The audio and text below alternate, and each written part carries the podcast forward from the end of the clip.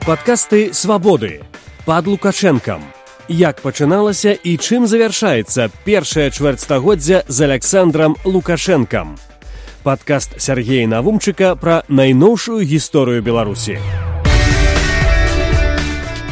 У падзеях, звязаных з рэферэндумам 1995 года, магчыма, самай драматычнай старонцы беларускай найноўшай гісторыі, ёсць і украінскі сюжэт і пра яго я сёння распавяду. Ініцыятыва прэзідэнта Лукашэнкі правесці рэферэндум аб скасаванні статусу беларускай мовы як адзінай дзяржаўнай, змене дзяржаўных сімбаляў бел-чырвона-белы сцяг і герб пагоня прапаноўвалася замяніць на мадыфікаваныя савецкія герб і сцяг аб эканамічнай інтэграцыі з рассіі і праве прэзідэнта распускаць парламент была адмоўна ўспрынята дэмакратычным беларускім грамадствам.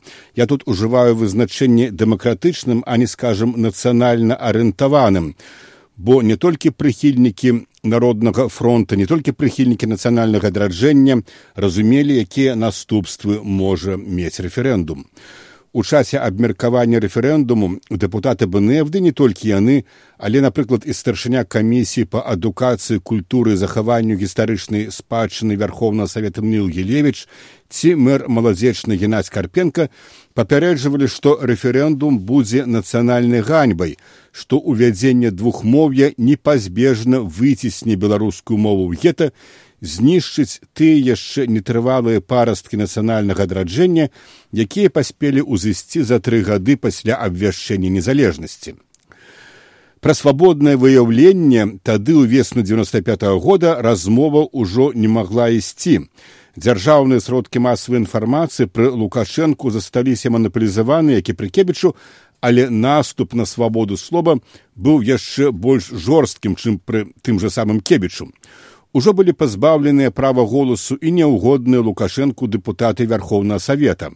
У снежні 94 дзяржаўныя газеты выйшлі з белымі плямамі замест дакладу Сергея Антончыка аб карупцыі ў бліжэйшым атачэнні прэзідэнта.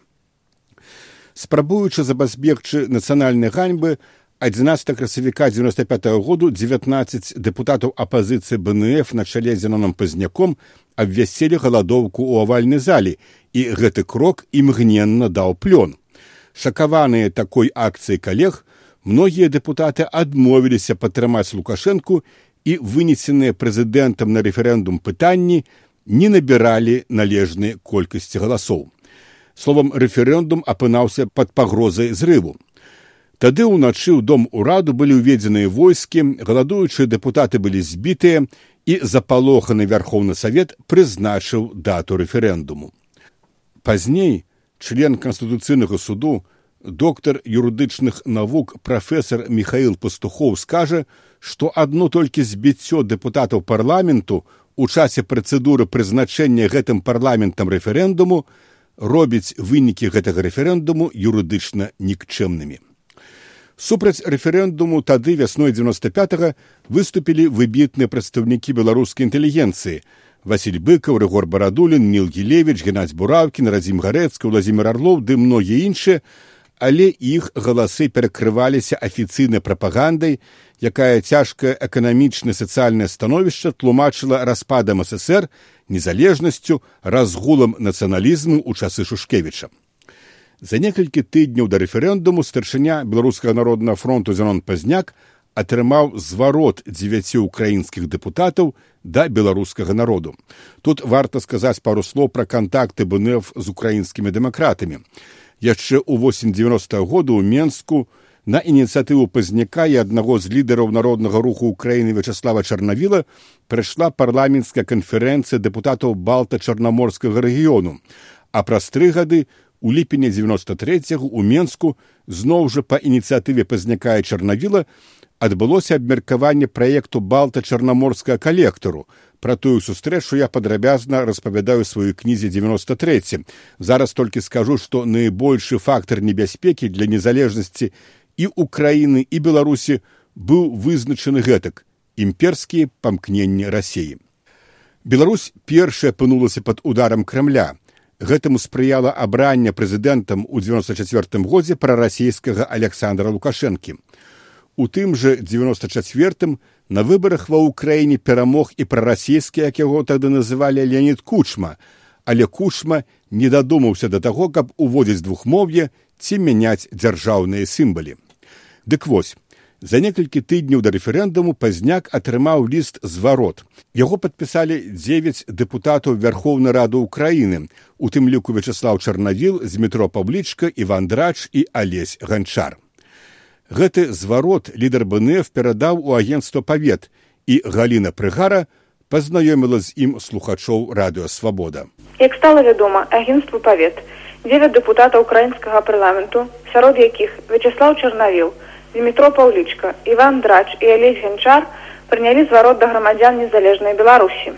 Рэферэндум навязаны вашаму народу ворагамі беларускай дзяржаўнасці, гаворыцца ў звароце гэтая падзея якая можа абярнуць вас у новых рабоў новыя імперыі што пакуль яшчэ прыкрываецца назвай снд.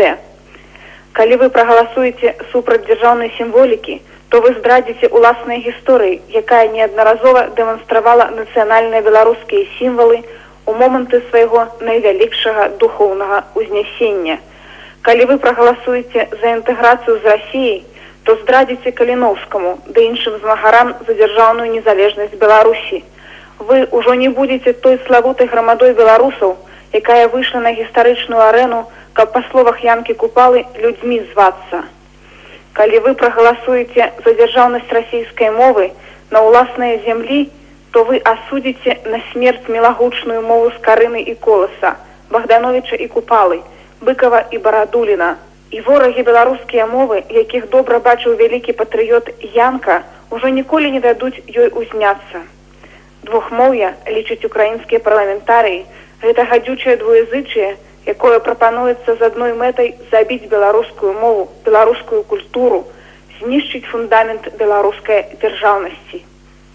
Расійскія шавіністы сцвярджаюць што беларусы расійцы ды украінцы падобныя але ніколі не гавораць што мы роўныя бо не прызнаюць правоў беларусаў ды украінцаў на такую ж дзяржаву як маюць самі.